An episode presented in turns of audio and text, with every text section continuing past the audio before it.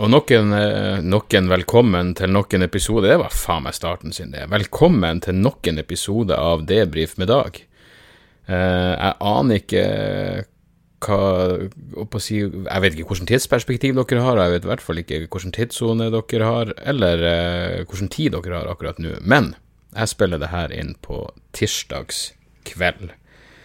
Fordi jeg har lille Morty dog å passe på på dagtid, og jeg klarer ikke å konsentrere meg om noe annet enn han enn han i nærheten, fordi han er fortsatt så inn i helvete søt. Siden sist gang så har jeg funnet ut hvilken rase han også Han er en papitese, som er en blanding av eh, Se, nå har jeg allerede glemt det. Maltesel og papillon, tror jeg det var. Han er i hvert fall Han er beskrevet på internett, eh, rasen papitese beskrevet som en, en toydog. Og det kan jo for så vidt stemme. Eh, men det sto også at det eh, kan brukes som en vakthund. Det må da være en kødd på et eller annet vis. Jeg ville faen ikke satt Morty til å, til å eh, vokte en kopp kaffe eh, som var utvanna og i tillegg iskald, fordi eh, jeg har liten tiltro til hans, eh, hans å si Securitas-evner. De tror jeg er ganske begrensa. Dessuten så blir han jo livredd av de minste jævla ting. Akkurat nå så, så er han livredd for hvis, hvis jeg skal roe han ned, så nøtter det ikke å si 'slutt å bite meg'. Det jeg må gjøre, er å hente ei flaske ketsjup, for da freaker han faen meg helt ut. Jeg vet ikke hva ei ketsjupflaske har gjort med han i et tidligere liv, men han stirrer på den jævla tomme ketsjupflaska som om den er en intergalaktisk sofil hundetorturist, eh, som virkelig har dårlige intensjoner når det kommer til hans ve og vel. Uh, og så er jo Morty akkurat nå åtte uker, og visstnok akkurat denne tida så skal det være Det skal være en tid hvor de kan være redd for meget og mangt. Uh, det er veldig vanskelig å forutse hva han er redd for. Plutselig så freaker han helt ut av regn. Begynner å skjelve bare fordi det begynner å regne, selv om han har opplevd regn tidligere uten at, uten at han blir livredd. Så uh, det er ikke så lett å forholde seg til, men han er en jævla valp, så, så hva skal man gjøre? Uh, hva har skjedd siden sist, spør dere? Vel, eh, egentlig ikke så jævlig mye. Jeg, jeg var jo i Stavanger eh, forrige fredag. Eh, jeg hadde show, jeg gjorde Emokrati på Stavangeren, som er et tidligere bedehus, hvis jeg har forstått det rett. Nå er det derimot et humorhus, og det er faen meg Det er kanskje den feteste scenen i hele landet. Det er det er vel plass til en 400 stykker, men alle er rett opp i trynet ditt. Og det er en sånn balkong som går rundt, så du har folk på balkongen på sida også. Og det, nei, det var, det var, helt nydelig, og publikum var fuckings optimal. Det som var kjipt, var at det, det ble bare en, det, ble en svipptur. Jeg og Steven landa ganske seint på ettermiddagen, og så var det bare å sjekke inn på hotellet og stappe noe fast føde ned i trynet, og så, og så var det å gjøre showet. Så eh, vi, vi fikk for lita tid til å, til å nyte, nyte, Stavanger på, på, forhånd, i hvert fall. God kveld, Stavanger. Det er fortsatt kø i baren, etter jeg forstår. Det kommer til å være et evighetsprosjekt. Et eller annet tidspunkt måtte vi bare starte. Faen, takk for oppmøtet. Jeg, jeg, egentlig akkurat er ikke så jævla lenge siden jeg landa. Jeg hadde en eller annen dildo. Jeg, jeg, jeg hadde vindussete, og så satt en fyr ved siden av meg. En voksen fyr og satt og så en film på Netflix på telefon. Og bare det er provoserende. Du er voksen, kjørte jeg nettbrett. Men i tillegg så fulgte han ikke med på filmen. Han satt bare og så ut av vinduet hele tida. Og jeg hadde sett filmen før.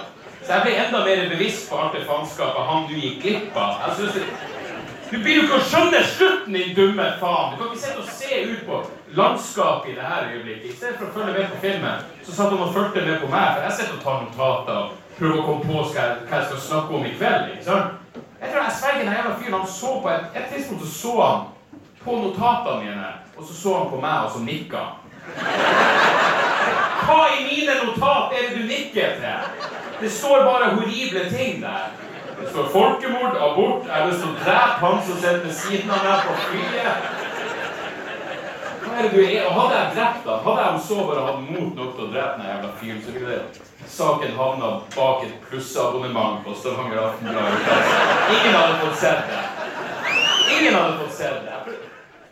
Etter showet så traff jeg jo uh, Ja, fucking René fra uh, René fra uh, Veislakt var jo på, uh, på showet sammen med, med, fruen sin. Og det er jævlig trygg, trivelig å treffe han. Det var han som lagde mannen bak introlåten på denne podkasten. Um, så uh, slo jeg en prat med han etter showet, og så dro vi sammen på vi var, Steven og jeg var invitert på en sånn metal-festival på Folken. Jeg mener bestemt det var Tunghørt den heter. Så jeg og Steven og René og, og uh, fruen hans dro dit et, og så ble noen bager der. Vi så et eller annet band som jeg fortsatt ikke vet hva heter. Og så traff jeg, traff jeg Art of Deception, som er et death metal-band som er da jeg, jeg turnerte med Kvelertak i, for noen år siden, så da vi spilte i Stavanger, så var Art of Deception supportbandet. Uh, og på det tidspunktet så var det vel faen meg 15-16 år. Allikevel så var det kraftig skjeggvekst og brutal og teknisk death metal, så, så det var jævlig hyggelig, og, uh, jævlig hyggelig å se, se, et par av de guttene igjen også. Sjekk ut dem. De har ei debutskive som du finner der du finner musikk. Uh, men jeg, jeg merker, jeg har jo vanligvis en, eh, Jeg er så jævla redd for den, at den milde tinnitusen min skal bli noe, noe atskillig verre. Så um, jeg hadde jo ikke noe, noe Jeg hadde ikke det, mine sedvanlige mitt sedvanlige, mine sedvanlige ørepropper med meg. Så så jeg, jeg bare fikk noen sånne vanlige standarddotter som du putter i ørene, men de ville jo faen ikke sett. Jeg vet ikke hva som har skjedd med ørene mine. Jeg har fått gaping ører har jeg putta for mye inn i ørene mine, så ørene mine ikke har noe el elastisitet igjen. Så, eh, så det, det freaka meg ut. Jeg var livredd for at eh, musikken skulle være for høy, og så um, så vi så, det, vi så, det, ene bandet, vi dro vel før Rotten Sound begynte å spille, og så stakk vi på en plass som heter Kardinal. Uh, og etter det så er minnene mer eller mindre Altså, det, det ble ikke så seint der. Vi tok et par drinker, og så traff vi noen andre folk der, og så, og så stakk jeg. Uh, før Steven Ja, for jeg fikk jo en melding fra en, en, av de som var der. Stian sendte meg en melding hvor han skrev eh, at jeg måtte spørre Steven om dama på 50 kunne synge. Uh, jeg vet ikke om det her er, er, det oral, er, det et hint til oralsex at hun sang i mikrofonen? Jeg vet da faen. Steven sa ingenting om at han hooka opp med noen, i hvert fall. Han er i hvert fall ikke noe Kanskje han hooka opp med noen, men det var ikke minneverdig nok til å si det til meg dagen etterpå. Men det skal vel ærlig talt godt gjøres. At han ikke syns det var minneverdig, altså. Steven er, Steven er en player, han er en singel mann, og um, hvis dere kommer på noen av de gjenværende showene Steven er lydmann, og han er alltid åpen for en, uh, en håndjobb og mer til. Uh, så ja, det var egentlig det Vi dro hjem på lørdag, ganske tidlig på lørdag, og så uh, hadde jeg bare en rolig Nei, jeg hadde ikke rolig, rolig lørdag, for faen. Jeg var i 40-årsdag. Min gode venn Karsk feira 40-årsdagen sin. Og uh, han bor oppe på, på Røa, som er Det er vel Det er ikke Bærum, men det, den er i hvert fall finere vestkant. Han, han har utsikt til Holmenkollen fra, um, fra balkongen sin. Og det var jævlig mye. Bare, bare du, du, du, merker det, liksom. Straks T-banen fortsetter videre vestover fra, fra Majorstua, og jo lengre jo flere og flere stopp du kommer opp, jo, jo, flere og flere det går av eh, Det går så mange av at til slutt så er det bare Jeg følte at det bare var sånn YouTube-influencers igjen på, på T-banen. Men det var faen meg noen eh, Det var en familie der som hadde to unger. Jeg vil tro ungene var i en Det var ei jente som kanskje var fem-seks, og så var det en gutt som var en åtte-ni. Og de der ungene, de bråka og ropte og skreik og flirte og gaula og snurra rundt på den jævla stanga inn i T-banevogna som amatørmessige, men høyst dedikerte strippere. Og foreldrene bare satt der og gjorde ingen verdens ting. Alle syntes det var ukomfortabelt. Jeg hadde lyst til å kvele det. Jeg hadde selvfølgelig lyst til å kvele ungene, først og fremst fordi de er mer forsvarsløse, men jeg hadde selvfølgelig mest lyst til å kvele foreldrene, som bare sitter der. Jeg tenker, tror du virkelig at du gjør ungene dine en jævla tjeneste med å la dem holde på sånn her? Si nå til ungene dine, sett dere ned og hold kjeft, det er andre folk på T-banevogna. Men nei, de gjorde ingenting, så når dattera deres om ti år suge en fremmed på et eller annet TV3-program TV bare for å få flere Snapchat-følgere, så er det din feil, mamma, for at du faen meg aldri satt foten ned. Bare dypt deprimerende å se på. Og også deprimerende sier vi ikke, jeg er nå faen i hva de ender opp med å gjøre med livet sitt, men provoserende er det i hvert fall. Så inn i helvete. Men 40-årsdagen var, eh, var, en fryd. Det var god mat og drikke attåt. Uh, og uh, ja, vi, vi storkosa oss. Søndag var, var chill. Uh, fruen og jeg så omsider den um, Vi har ennå ikke sett den uh, 22. juli-filmen på Netflix, men vi så den Erik Poppe sin Utøya-film. Og det er sånn som jeg nesten måtte ha mota meg opp til å se. liksom, det, det, altså, Alle skjønner jo at det, det, er tung underholdning, så det er liksom ikke noe sånn Hei, skal vi se den? For det, det, den krever en viss forberedelse.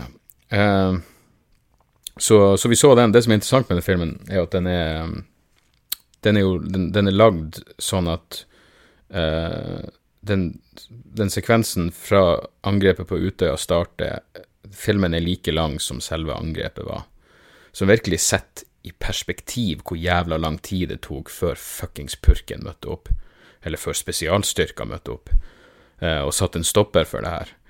Det som var litt sånn eh, litt morbid humor, var jo at um, fruen plutselig sa at, uh, at, hun måtte gå og pisse.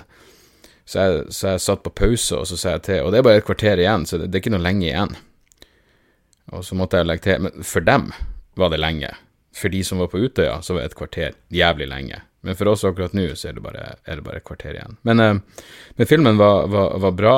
Uh, jeg er litt sånn ambivalent i forhold til Ja, det, det, det, er jo liksom Det er ingen klipping, og de følger kun én. Uh, du følger liksom én person gjennom hele greia, men, men særlig akkurat idet angrepet starter, så er det, det, det, det er faen meg det er, det er, grusomme saker. Det, det, det var enda, jeg, mener, jeg har jo hele tida argumentert for at Breivik bare burde blitt offentlig henretta. Jeg tror det kunne vært noe som hadde lega det nasjonale såret ganske bra. Um, man kunne liksom hatt en ordentlig rettssak og gått gjennom hele det der, og så bare tatt han ut på Akershus festning og skutt han. Og jeg tror nesten man kunne gjort det på en sånn måte Du vet når du, når du avliver en hund så, så, tenker du for, for, uansett hvordan du ser på brev, hvis du tenker at ah, han gjorde det her med fullt overlegg og fri vilje, og han har tenkt gjennom det han gjorde, og bla, bla, bla, ja, da burde han i hvert fall skytes. Og hvis du tenker at ja, men det er egentlig ikke hans feil, og han er påvirka av krefter utenfor sin kontroll, og hvem har egentlig fri vilje, ja, han burde fortsatt henrettes, på samme måte som en hund. Ok, så en, en hund angriper noen og biter dem. En hund får sjelden angrepet 77, får sjelden drept 77 stykker før den blir tatt, men om en hund så hadde gjort det, så hadde vi tenkt at hunden har jo ikke gjort noe umoralsk, for hun er jo ikke et moralsk er jo ikke et moralsk vesen i utgangspunktet, men vi må allikevel avlive hund. Selvfølgelig må vi det. På samme måte burde Breivik bare blitt, blitt avliva. Og denne filmen, det å ja, det å se på denne filmen gjorde ikke akkurat at jeg skifta mening. Um, så um, ja. Så det var den. Ellers fikk jeg jo med meg Altså, jeg, jeg, jeg, vet da faen, jeg har mindre og mindre til overs for å følge med sånn Jeg har nevnt det her tidligere, men jeg har mindre og mindre til overs for å, for å sette meg så dypt inn i nyhetsbildet på en daglig basis, fordi det er så mye det er så mye ting som bare forsvinner, som bare er aktuelt. Altså, det er uaktuelt igjen før det en gang før du en gang har, har registrert saken. Men jeg syns jo det var interessant, det, det var vel et 60 Minutes-intervju som Donald Trump gjorde, hvor han, han, han, gikk vel delvis tilbake på sin benektelse av menneskeskap, global oppvarming, selv om han sa at det kommer likevel til å ordne seg, så hva er stresset? Det som jeg skulle ønske denne 60 Minutes-reporteren da hadde nevnt, er jo det interessante faktumet at på de her golfbanene Eh, golfresortene som Trump har, så bygger de jo, sånn som i Irland, så bygger de jo en, en sjømur for å beskytte mot eh, økende sjøhøyder og, og, generelle konsekvenser av, av, global oppvarming og klimaendringer. Eh, han har vel noen noe golfbaner i Skottland hvor det samme er gjort. Så det viser jo hva du egentlig fuckings mener. Det, det, en person som Trump, se hvor, se hvor han setter pengene sine, hva han bruker penger på. Vil han bruke penger på å beskytte mot global oppvarming hvis han ikke trodde på det. Nei, selvfølgelig ville han faen ikke det. Så uten å ha sett det, hele det 60 Minutes-intervjuet, så tviler jeg på at hun nevnte det, det, det poenget. Og det burde hun ha gjort, for da tror jeg du kunne fått den der jævla fyren svar skyldig. Du, du, kunne, du kunne blitt som Kanye West og bare gjort Trump svar skyldig, for der var det også åpenbart at Trump ante ikke hva i faen han skulle si for noe. Det var et, det var et herlig øyeblikk. Men ikke sant, alltid nyhetene er jo bare den jævla vegan kontroversen med norsk vegansamfunn mener vi må slutte å synge sanger som kan gi barn et falskt inntrykk av at det er greit å ta ting fra dyr som melk og ull. Egentlig, også var det en eller annen dildo, og så hadde jeg lagd en barnevennlig versjon av Bro, bro, brille, eller hva faen det var. Nei, det var kua.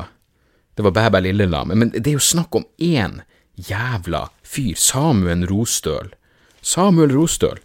Nyhetssaken kunne like gjerne vært 'det en tanketom dildo' på Facebook. Wow, for et sjokk! Hvem hadde trodd det? Er det en nyhetssak? Nei, selvfølgelig er det ikke det. Det er en eller annen jævla idiot. Så hvorfor Hvorfor Hvorfor gidder vi? Hvorfor gidder vi, folkens? Hvorfor i faen gidder vi å bry oss? På en mer positiv note så uh, har jeg fått premieredatoen på uh, det NRK-programmet som jeg er med på, hvor jeg, der hvor jeg var i Kasakhstan og lærte om svartedauden. Uh, Latterlig smart heter det, og premiera er 7. november. Uh, så vidt jeg har forstått, så er min episode episode to. Så da skulle vel eh, grunnleggende matematikk tilsi at min episode går 14. november. Men, eh, men få, for all, få for all del med dere hele jævla serien. Det skal i hvert fall jeg gjøre, fordi det der var et genialt konsept, og jeg blir å plugge det jeg blir å plugge det igjen når, når, det nærmer seg enda mer. Ellers, når dere hører det her, så er det onsdag, og da skal også eh, ny episode av podkasten Anger være sluppet. Jeg var, jeg var, med på første episode av Anger, uh, som visstnok kom for nøyaktig et år siden. Da kom, da kom Sivert, som driver den podkasten, hjem til meg, og så satt vi her jeg sitter nå, og hadde en, en, fin prat om anger. Jeg føler vel den episoden gikk litt i stå, fordi jeg bare driver og kverulerte. Jeg gikk inn i noen sånn jævla metatankegang hvor jeg prøvde å dekonstruere hva anger egentlig betyr, og jeg føler at vi aldri kom noen vei. Kom inn! Hallais. Er du klar for å ta kveld? Si hei til alle som hører på. Ah, akkurat. Det der er jo ikke it-maska. Blir det anonymous? Sønnen min vet ikke om han skal være anonymous eller it på halloween, men jeg håper, blir, jeg håper at det blir it. Fordi den er oppriktig creepy. Og du kan stå rett foran meg og ta på deg den maska, og jeg blir automatisk livredd når jeg ser på den. Så den funker som faen. Men uh, god natt. Så godt. Jeg kommer ned og gir deg en natteklem etterpå. Ja. Så godt, Puttis. Gir dere igjen? Ja. Uh, så ja, anger uh, Den her, den her uh, angersamtalen som, som, kommer i dag, fløyt litt bedre, føler jeg. så um, Jeg husker ikke hva vi prata om, men jeg, det er alltid det er alltid trivelig å prate med. Det er en fuckings fin fyr, han Sivert. Og så har han peiling. Altså, han han har forberedt seg.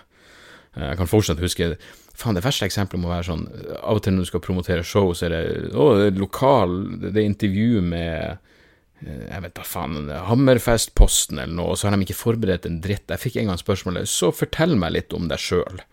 Er ikke det din jobb i introduksjonen å fortelle dem litt om meg?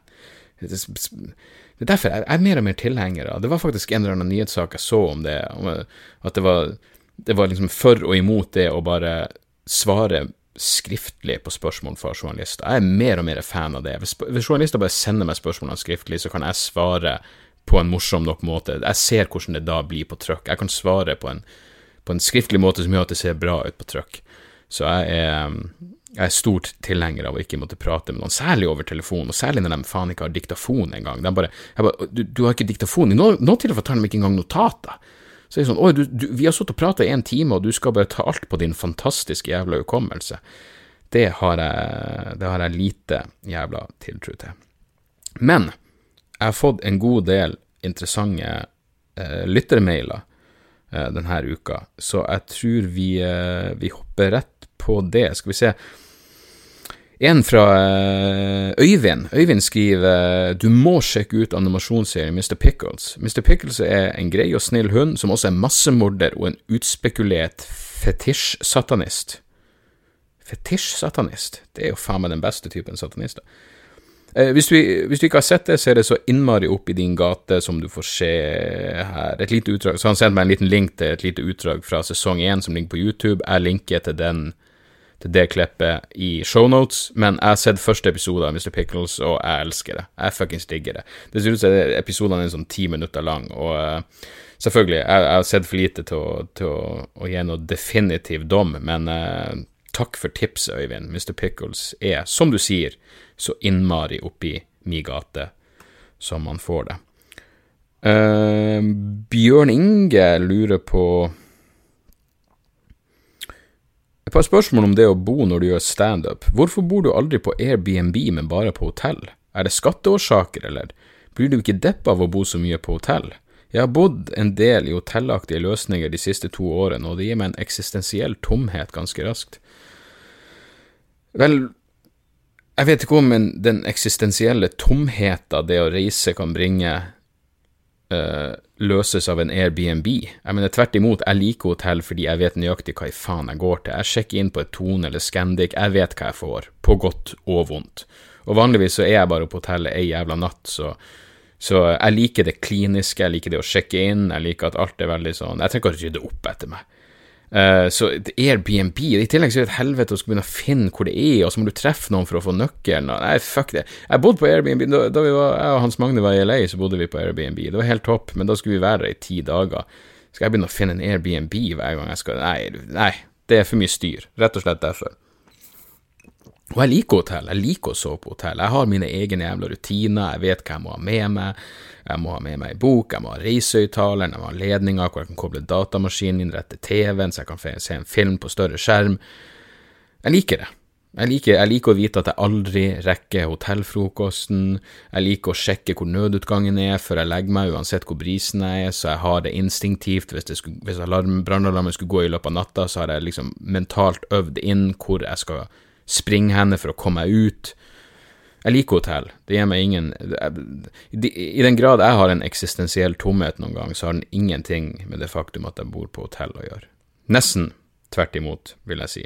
Så eh, der har du den, Bjørn Inge. Elena skriver vær så snill ikke la det gå så himla lang tid til vi får høre om fyllehistorien til deg og Jan Tore. Herregud, jeg skreik og flirte til jeg holdt på å sprekke av dritehistorien til JTK. Lag flere morsomme podder med sånne historier, fort, fort. Det skal jeg gjøre, Lena, hvis du slutter å skrive på dialekt. Det er så jævla fuckings provoserende. Så du kan ikke skrive 'jeg, jeg skreik og flirte til jeg holdt på', og så skrive 'til JTK'. Det blir til JTK, gjør det ikke det? Enten må du skrive på dialekt, eller så må du ikke gjøre det. Og mitt tips er ikke gjør det. Utenom det, eh, jeg har absolutt eh, Jeg regner med at når jeg skal tilbake til Bergen eh, med demokrati 6., 7. og 8. desember, så tar jeg og Hans Magne en litt lengre prat under litt eh, roligere omstendigheter. Uh, Mats skriver bokanbefaling. Hei, Dag. Vært fan i mange år. Gratulerer med nylig podkast og perfekt lengde på den. Vel, takk skal du ha, Mats. Har litt mangel på motivasjon for tiden og er ganske nedenfor psykisk. Nå som mørketida ja, Jeg kan ikke skjønne hvorfor du er en fan av det jeg driver med. Eh, nå som mørketiden har gjort sitt store inntog og dagene tilbringes mest inne, trenger jeg noe å koble av med. Hater TV skråstrek telefon. Og har lenge surfet nettet etter en bok, lest anbefalinger osv., men er så mye der ute. Jeg har aldri lest noe særlig bøker før, men tenkte det kunne være en fin måte å drømme seg litt bort. Jeg er ikke glad i ting som tuller med hodet mitt, og trenger noe oppløftende å lese, noe positivt motiverende for tankene. Skjønner jo at du har lest mye bøker og kanskje hadde en anbefaling på hvor jeg skal starte så jeg får en god leseropplevelse og noe som ikke tar fra meg motivasjon ytterligere. Hilsen anonym. Så glem at jeg sa fornavnet. Um, Vel, For det første, jeg er glad i å lese, men jeg, jeg, vet ikke hvor mye av det jeg leser som er oppløftende, positivt og motiver, altså motiverende for tanken, er det jo nest, nærmest uansett hva du leser, så lenge det har en viss jævla Hva skal man si intellektuell kvalitet. Um, men uh, altså det, det, det, Av og til får jeg sånn Har du noen tips til bøker? Det kommer an på hva du er interessert i. Du er tydeligvis interessert i å føle deg bedre. Um, Les 'Muligheten av en øy' av Holbeck, han er herlige franske nihilisten. Uh, da vil du innse at noen er mer depressiv enn du er, og så vil du føle deg bedre av den grunn. Uh, eller så kan du lese 'The Self-Illusion' av Bruce Hood, som er en psykolo psykologibok som anbefaler for at uh, det er egentlig ikke noe jeg. Du er ikke noe jeg, Mr. Anonym. Det finnes ikke. Så da har du ingen grunn til å være demotivert, for du eksisterer på en fundamental måte ikke. Um, utenom det, så, så, så, må du gjerne meg, sende meg litt mer konkret hva du er, hva du er ute etter. Uh, det er også ei, også ei herlig bok som, som, jeg vet kom ut på norsk, som jeg muligens har nevnt tidligere, som heter The Art of Negative Thinking, tror jeg. Uh, den, den, kom ut på norsk for en stund siden. Jeg, jeg, jeg, skal finne ut nøyaktig hva den heter, og så skal jeg, så skal jeg linke til den i, uh, i shownotes. Gunnar skriver Hei, tusen takk for en jævlig kjekk kveld på Stavangeren på fredag. Takk til deg. Den var jævlig kjekk. Det var herlig provoserende, upolitisk korrekt og forløsende. Upolitisk korrekt. Upolitisk korrekt. I stedet for politisk ukorrekt, så var det upolitisk korrekt. Det er faen meg en ganske bra showtittel. Uansett, det var herlig provoserende, upolitisk korrekt og forløsende. Det er fint vi har slike som deg som kan ha overskudd til å tenke noen steg lenger og gi oss noen nye perspektiver på vanskelige og trivielle saker. Takk, takk. Sjøl, et spørsmål. På Stavanger drakk du av en sort kopp. Var det sitroner for stemmen, eller fikk du smugla inn en kopp med gin? Um, jeg har, en, jeg har en, en, reisekopp. Det er sånn eh, jeg, jeg, kjøper både flaske og kopper fra et selskap som heter MIR. M-I-I-R. Uh, fordi de holder eh, både kulde og varme jævlig godt. Og når jeg har show, så er det kulde de holder jævlig godt. Det Jeg drakk vel en Jeg tror jeg hadde hvitvin i koppen, faktisk. Uh, det er vanligvis det jeg, jeg drikker på, på scenen. Uh, en vodka med Vodka med vann og kullsyre og litt lime, eller, eh, eller, hvitvin. Så det var nok det jeg drakk i Stavanger også. Uh, utenom det, takk for oppmøtet. Jeg hadde det som sagt jævlig gøy. Uh, og så skriver Tor uh, Tor skriver til meg om, om, kunstig intelligens. Han anbefaler noen bøker om, om kunstig intelligens. Um, han liker forresten veldig godt at podkasten er på rundt 30 minutter, for det er perfekt å høre på når jeg lager middag eller går til og fra jobb. Hei, jeg er helt enig, jeg, er også glad i 30 minutters 30 eh. Jeg hører at du er interessert i kunstig intelligens. Et av temaene i bacheloroppgaven min omhandlet hvordan AI kan påvirke frem, fremtidens arbeidsmarked. La meg bare understreke at jeg er ingen ekspert, og det meste blir selvfølgelig ren spekulasjon. Så anbefaler han noen bøker, og jeg tror faktisk jeg har de fleste av dem. Jeg har en god dunke med bøker om kunstig intelligens liggende. Så jeg fikk akkurat uh, den nye til han um, den Aftenposten-journalist som kom i bok som bare heter Kunstig intelligens. Men, men jeg har en hel dunge av dem. Uh, og det, ja, det er noe jeg har lyst til å prate om i neste, i neste show.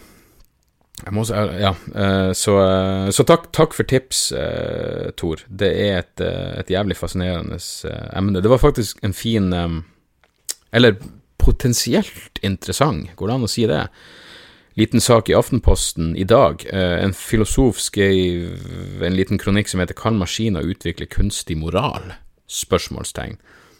Eh, som, den, den, kunne kanskje vært litt mer utdypa, det er mulig den måtte kortes veldig ned, men, men uh, argumentet er liksom at på samme måte som som uh, den der AlphaGo-maskinen lærte seg å, å, å bli uh, å, spille, spillet Go, som visstnok er så sykt mye mer komplisert enn sjakk, så kan man lære opp eh, en kunstig intelligens til eh, å, å, lære seg moral. Eh, litt usikker på en gang premisset for, eh, for artikkelen, men den, den, er verdt å lese, og jeg linker som vanlig til den i, i, eh, i shownotes. Så har jeg fått en mail som eh, som uh, kanskje krever litt ekstra, som, vil, som vil kanskje er den mest heavy mailen jeg noen gang har fått. Uh, hvor, hvor uh, subject bare er om det du sier, og hun her skal få være helt anonym. Um, hun skriver en del forskjellige ting, og så skriver hun For en viktig stemme du og lyttekontaktene dine er for disse delene av livet, da snakker hun om sorg, savn, begravelse. Så skriver hun Jeg vil bidra med en annen absurditet her. Selv mistet jeg min første sønn. Han døde plutselig i sitt første leveår, sannsynlig som følge av en dårlig legevurdering på legevakt, da jeg ble, ble mildt smilt til som en hysterisk førstegangsforelder. Denne tragedien er ikke det jeg vil utdype, det sier seg selv at dette var, og i perioder fortsatt er, en sjelesettende opplevelse i mitt liv. Men etter at han var død, Kanskje bare en time etter at han var død, ba jeg om å ta med hjem, og fikk lov til det. Jeg har mange ganger tenkt på hvordan det måtte ha sett ut å bli stoppet i kontroll med et dødt spedbarn i bilsetet. Jeg hadde han hjemme, tok han opp, klemte han, sov i sengen ved siden av han, med unntak av noen timer der han måtte til obduksjon. Ja, jeg tror dette var nødvendig for sorgprosessen min oppi det hele for å kunne forstå at han var død, fargeendringene i huden, lukten fra munnen hans. Å legge ham i kisten dagen for, uh, for begravelsen var dagen for begravelsen var umenneskelig, men ønsket om verdighet for ham og vissheten om at det som ikke lever går i oppløsning, vant over hjertesmerte. Heldigvis. Jeg kan huske jeg våknet i flere måneder etterpå og drømte at han var død, ropte høyt, våknet, så den tomme sengen, og med det at det var sant. Gutten min skulle blitt tolv år i disse dager. Jeg husker det forskrekkede ansiktet til helsesøster når jeg satt på helsestasjonen med barnet jeg fikk etter han som døde, og sa, når dette nye barnet også dør, så vet jeg ikke om jeg orker å få flere barn, jeg. Jeg lo liksom litt mens jeg sa det, absurditeten i det, liksom, sette barn til verden for å dø. Hva vil jeg med dette? Kanskje ingen… Hvor vil jeg med dette? Kanskje ingen steder, jeg har bare tro på at små glimt av åpenhet gir et samfunn mindre tomhet. Sånn til slutt, jeg har det bra, jeg har fått tre barn til etter ham i, en sinnssykt gjørmete, tåkete, mørk del av livet mitt, med samme mann til alle fire. Vi er fortsatt her, sammen, kjemper og nyter, etter tolv år heldigvis begge deler. Takk for podkasten. Det er jo så heavy som man får det. Jeg, vet, jeg visste ærlig talt ikke at, at, Jeg visste ikke at det var lov. Jeg, vet, jeg visste ikke at man kunne ta en død person med seg hjem, men så, så jævlig fint at du fikk lov til det. Og jeg liker å kødde ting til, og du har jo humor her. Jeg mener bare, ja, Tanken på å bli stoppa i en eh, fartskontroll med et dødt spedbarn i, eh, i bilsetet Satt han virkelig i bilsetet? Da, da hadde det gått an å bare ja, Ha han på fanget kunne ikke, du kunne bare lagt han på gulvet eller i baksetet, men, men, jeg skjønner at det at det ville vært absurd. Men, men seriøst, det her er vel Kanskje den, eh, den, den, det er vel den sterkeste mailen jeg noen gang har fått, tror jeg. Og eh, takk for at du deler det, for jeg, jeg er så jævlig enig i at eh, det her er de små glimtene av åpenhet som gir et samfunn mindre tomhet. Det skal du virkelig ha. Helvete, altså. Det, dere er noen bra folk som hører på det her. Eh, det, det skal mye til å dele noe sånt, og eh, jeg setter umåtelig jævla pris på, eh, på at du gjør det.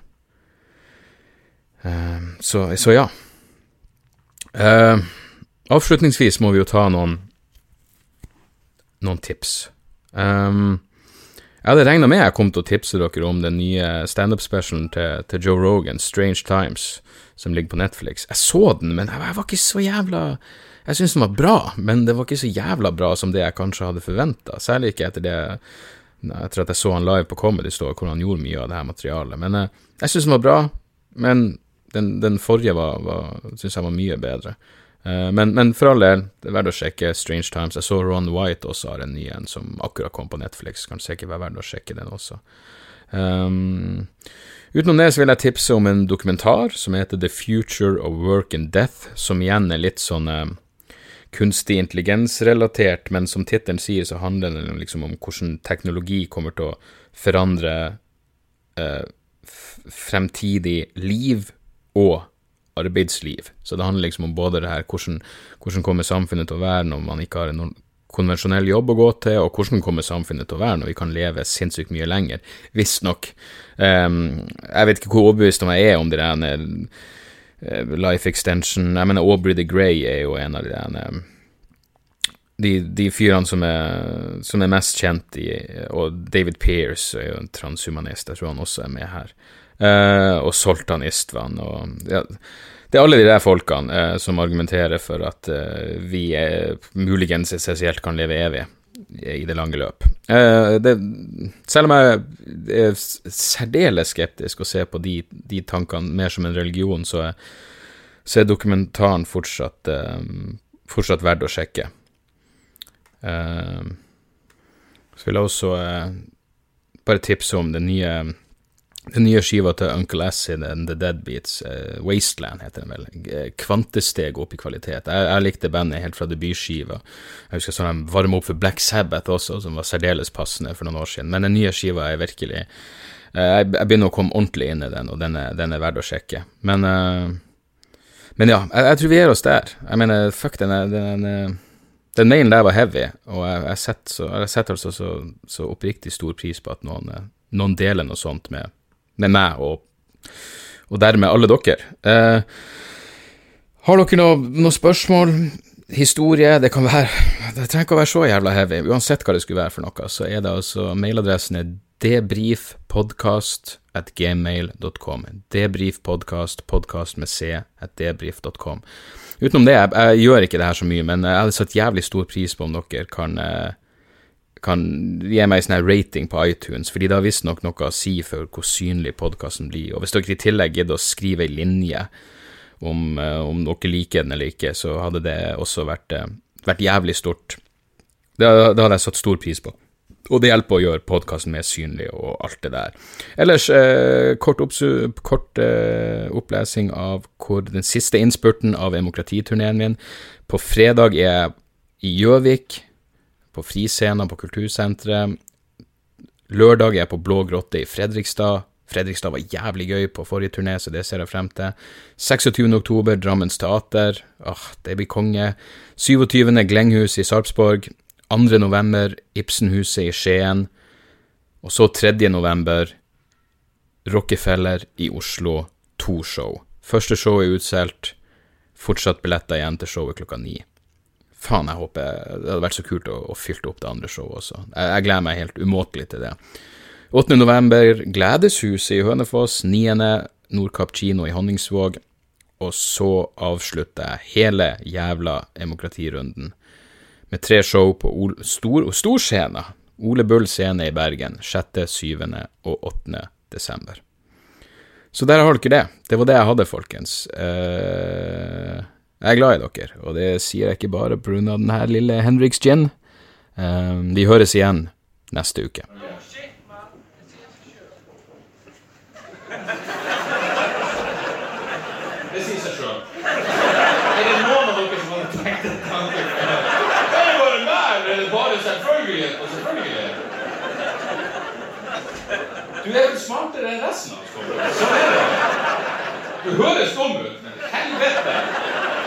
et intellektuelt nivå du ligger på. For en jævla kognitiv overlord vi har der.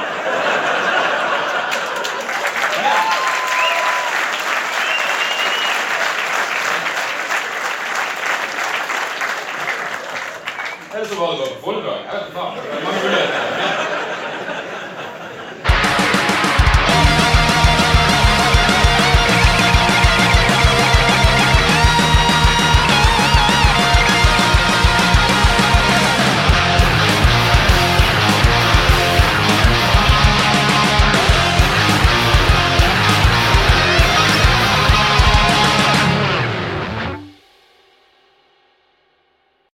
Er det reklametid, og ukens annonsør er fiken. Hør her, jeg, jeg, jeg avskyr ordet regnskap. Ordet regnskap eh, gir meg assosiasjoner som er uhyggelige. Det får meg til å tenke på andre uhyggelige ord som ettersyn og underlivsundersøkelse. Men regnskap er et nødvendig onde, og fiken er et så enkelt regnskapsprogram at selv jeg kan klare å ha kontroll på finansene hvis jeg bruker det. Eh, du kan registrere kjøpene dine bare med å ta et bilde av kvitteringa med appen, og så kan du bare hive, hive kvitteringen. Hvor nydelig kan det bli? Og Fiken forholder seg også til regnskap med overkommelige ord. Det er ikke masse overkomplisert økonomisk terminologi. De kaller det kjøp og salg i stedet for hva enn de kaller det på BI. Og du kan, eh, du kan få fiken til å sende purringen dine, sånn at du slipper å gjøre det sjøl.